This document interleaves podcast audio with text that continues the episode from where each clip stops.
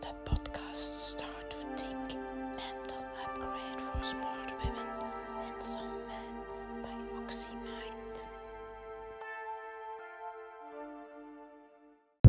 Wanneer heb je laatst gehuild? Dat is de vraag van vandaag en ik ben Olga van OxyMind en dit is weer een aflevering van Start to Think. Nu, wanneer heb, ik, heb jij of heb ik het laatst gehuild? Ja, ik huil vrij veel en ik hoor, ik heb ook zoveel privéberichtjes gehad naar aanleiding van die vraag die ik dan op Instagram en Facebook heb gepost. En wat ik ook wel ontdekt dat er, dat er precies wat schaamte is rond huilen en uh, dat we nog altijd denken dat we niet mogen huilen of dat huilen iets fout of verkeerd is. En uh, dan krijg ik ook nog reacties van, ah, uh, ik ben blij dat ik lees dat jij ook huilt. Natuurlijk huil ik ook.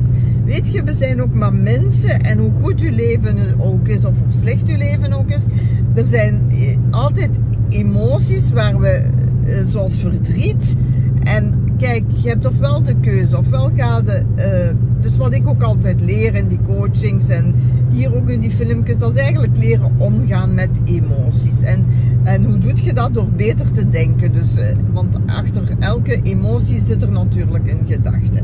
Nu, uh, je hebt met die emoties, en vaak gebeurt dat ook onbewust, en die gedachten zijn ook onbewust. Ofwel gaan we die onderdrukken, en dat heb ik hier al meerdere keren verteld. We, gaan, we kunnen die onderdrukken en wegduwen. Doen ten eerste of die er niet zijn, of we drukken die weg met alcohol of eten of allerlei andere mechanismen die we ons aangeleerd hebben, soms al van kinds af aan. Ofwel gaan we ons extreem gaan marineren in emoties en worden we die klaagzaagmens die constant emoties gaat recycleren.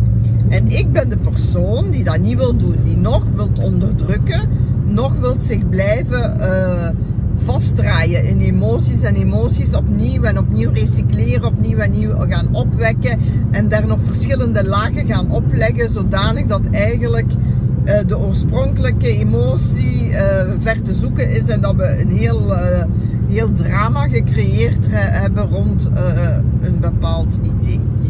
Nu, dus en ik wil de persoon zijn die geen van de twee doet. Ja, dus wat heb je dan als keuze?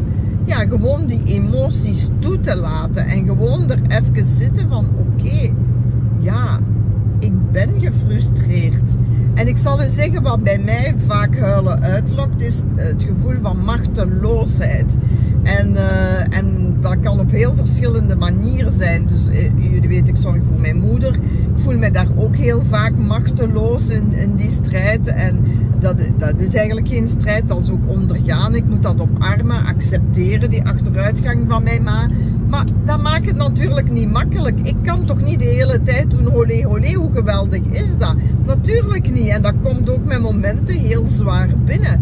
Natuurlijk wil daar niet de hele tijd zitten huilen bij haar, maar ik wil ook momenten uh, vrijmaken om daar verdriet over te hebben. En dat is ook belangrijk dat ik daar verdriet over heb. En jullie mogen ook verdriet hebben over dingen die niet goed gaan of die niet gebeuren. Ik heb ook vaak verdriet over het feit uh, dat mensen mij niet uh, steunen. Daar heb ik geen moeite mee en daar heb ik heel veel begrip voor. Uh, maar waar ik wel meer moeite mee heb, en dat moet mij ook de hele tijd door coaches, mensen die mij tegenwerken en die echt dingen doen ehm, die, die, die, die, die tegenovergestelde zijn dan van mij helpen, maar eerder mijn leven nog moeilijker maken op momenten dat het al vaak heel moeilijk is. En dat is voor mij een heel moeilijk. Ik, kan, ik voel me daar heel machteloos bij. Ik begrijp ook niet dat mensen dat doen. En ik weet ook wel van waar dat, dat komt. En ik coach mij daar dan ook wel door. Maar desalniettemin heb ik daar verdriet over. En ook dat verdriet laat ik toe. En uh, probeer ik toe te laten. En, en daar hoort ook wel eens huilen bij. En dat is ook allemaal oké. En wat is niet oké?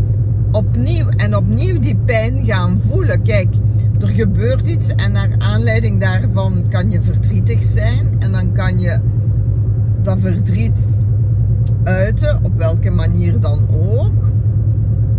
Maar wat heel vaak gebeurt is dat we altijd die pijn opnieuw en opnieuw gaan oproepen. En natuurlijk dan verwerk je iets niet. Of gelijk zou ik zeggen, iets een plaats geven. Ik, heb, ik vind dat allemaal een beetje moeilijke ehm, manieren. Maar eh, wat ik hier wil zeggen is, ja, er is iets van verdriet. Maar er is ook iets van, oké, kijk, dat is nu gebeurd.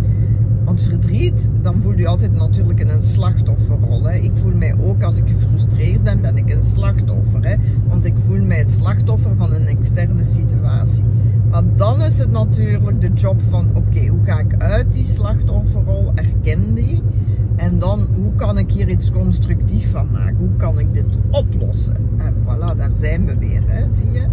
En dan gaan we uh, proberen iets te creëren dat ons wel helpt. Want uw oh, verdriet onderdrukken of emoties onderdrukken is geen oplossing. Dat maakt alles gewoon nog erger. Hè? Dat is een ballon die je onder water duwt, die dan toch ineens gaat oppoppen en dan nog veel sterker dan de emotie die je anderen die zich constant bijna chronisch gaan recycleren, chronisch gaan marineren in, in, in, in bepaalde emoties. En dat is het ook. Voilà, dus... Uh, op een bepaald moment herken wat je doet, ga uit je slachtofferrol en zoek een oplossing. En die is er altijd. Voilà, dat was het voor vandaag. Dag.